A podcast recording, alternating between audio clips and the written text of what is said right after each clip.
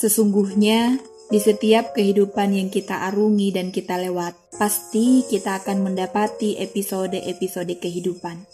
Di antara episode itu adalah kita akan menjumpai yang namanya pertemuan dan perpisahan. Siapa pun ia, kaya atau miskin, muda atau tua, pasti akan menjumpai salah satu episode kehidupan, yaitu ijtima'un wal furqatun, pertemuan dan perpisahan. Karena kehidupan bukanlah episode yang tidak berakhir, pasti di dalamnya ada pertemuan dan juga akan diakhiri dengan sebuah perpisahan. Teman-teman listener, terdapat hal penting yang harus kita pahami dari episode pertemuan dan perpisahan ini, yaitu memaknai hakikat pertemuan dan perpisahan sebagaimana yang dijelaskan Allah dan Rasul-Nya. Agar kita mengerti bagaimana sikap ketika kita bertemu dan sikap ketika kita berpisah. Ada empat sifat dari episode ini. Bagi seorang mukmin, hendaklah memperhatikan keempat sifat ini, sehingga dapat menentukan sikap yang tepat. Sifat yang pertama, mereka yang bertemu di dunia namun tidak bertemu di akhirat. Mereka ini adalah golongan orang-orang kafir dan musyrik. Allah Subhanahu wa taala menyebutkan dalam Al-Qur'an, Quran surah Al-Ma'arij ayat 11 sampai 14. Allah bilang, Orang kafir ingin kalau sekiranya dia dapat menebus dirinya dari azab hari itu dengan anak-anaknya dan istri-istri dan saudaranya dan kaum familinya yang melindunginya di dunia dan orang-orang di atas bumi seluruhnya kemudian mengharapkan tebusan itu dapat menyelamatkannya.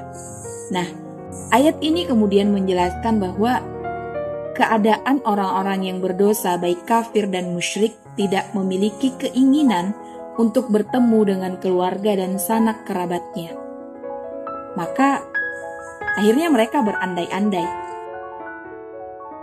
jika anak, istri, dan keluarga dapat dijadikan tebusan untuk menyelamatkannya dari azab neraka, meskipun keluarganya masuk ke dalam neraka. Jadi, inilah gambaran ketika pertemuan itu didasarkan atas kekufuran dan kemaksiatan kepada Allah. Mereka hanya bertemu di dunia dan pastinya akan berpisah di akhirat. Bahkan rela untuk menggadaikan keluarga yang selama di dunia melindunginya dan menyayangi Seorang anak menggadaikan ibunya, seorang ibu menggadaikan anaknya, seorang suami menggadaikan istri, dan seorang istri menggadaikan suaminya. Tidak ada pertemuan yang kekal di antara mereka, kecuali hanya pertemuan di dunia. Maka, jangan merasa kagum dan takjub terhadap romantisme dan cinta kasih mereka selama di dunia. Sebab hal itu tidak akan terjadi ketika di akhirat kelak. Sifat yang kedua, mereka tidak bertemu di dunia, namun akan bertemu di akhirat. Mereka adalah orang-orang beriman. Mereka akan bertemu dan bersua dengan para nabi, orang-orang sidik terdahulu, para syuhada, orang-orang solih, meskipun di dunia mereka tidak pernah bertemu. Ya, Allah berfirman dalam Quran Surah An-Nisa ayat 69, yang bunyinya Allah bilang gini, dan barang siapa yang menaati Allah dan Rasul-Nya, mereka itu akan bersama-sama dengan orang-orang yang dianugerahi nikmat oleh Allah, yaitu nabi-nabi, para sadikin, orang-orang yang mati syahid, orang-orang yang solih, dan mereka itulah teman yang sebaik-baiknya. Semasa hidup kita tidak pernah bertemu dengan Rasulullah. Kita tidak pernah bertemu dengan sahabatnya serta orang-orang solih setelahnya. Namun, Nama mereka selalu kita ingat dan ada dalam hati kita, sehingga kelak kita akan bertemu dengan mereka di tempat yang jauh lebih indah dan lebih mulia. Sifat yang ketiga, mereka bertemu di dunia dan akan bermusuhan di akhirat.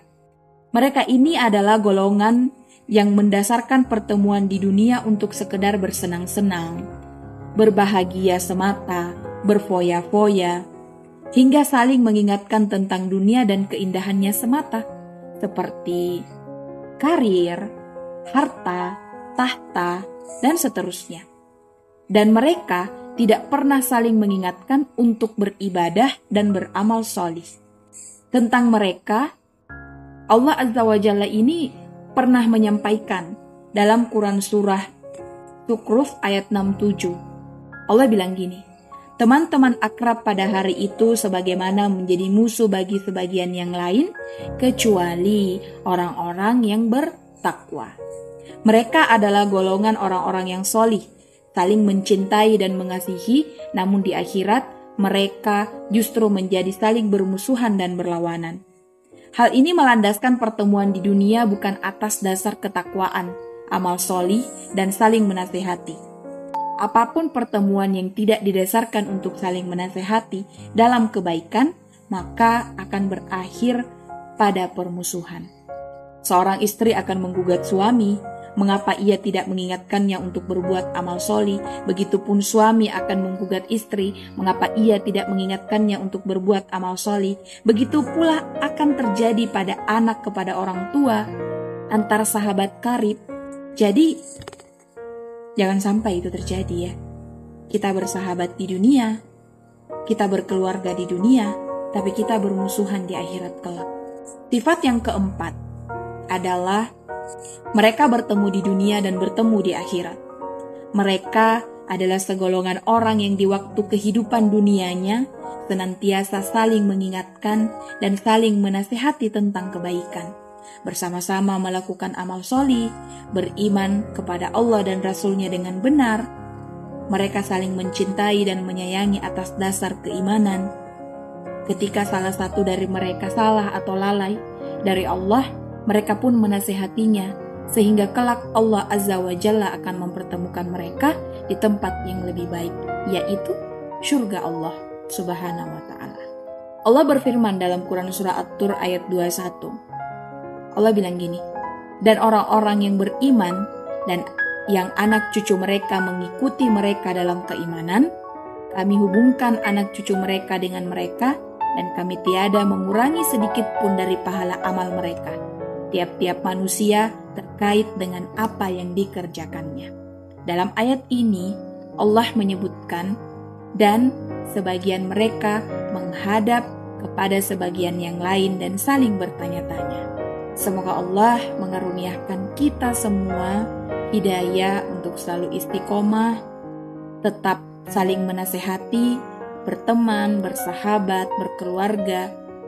Karena Allah membangun ibadah hablum minan nas tentunya atas dasar niat untuk menuju Allah.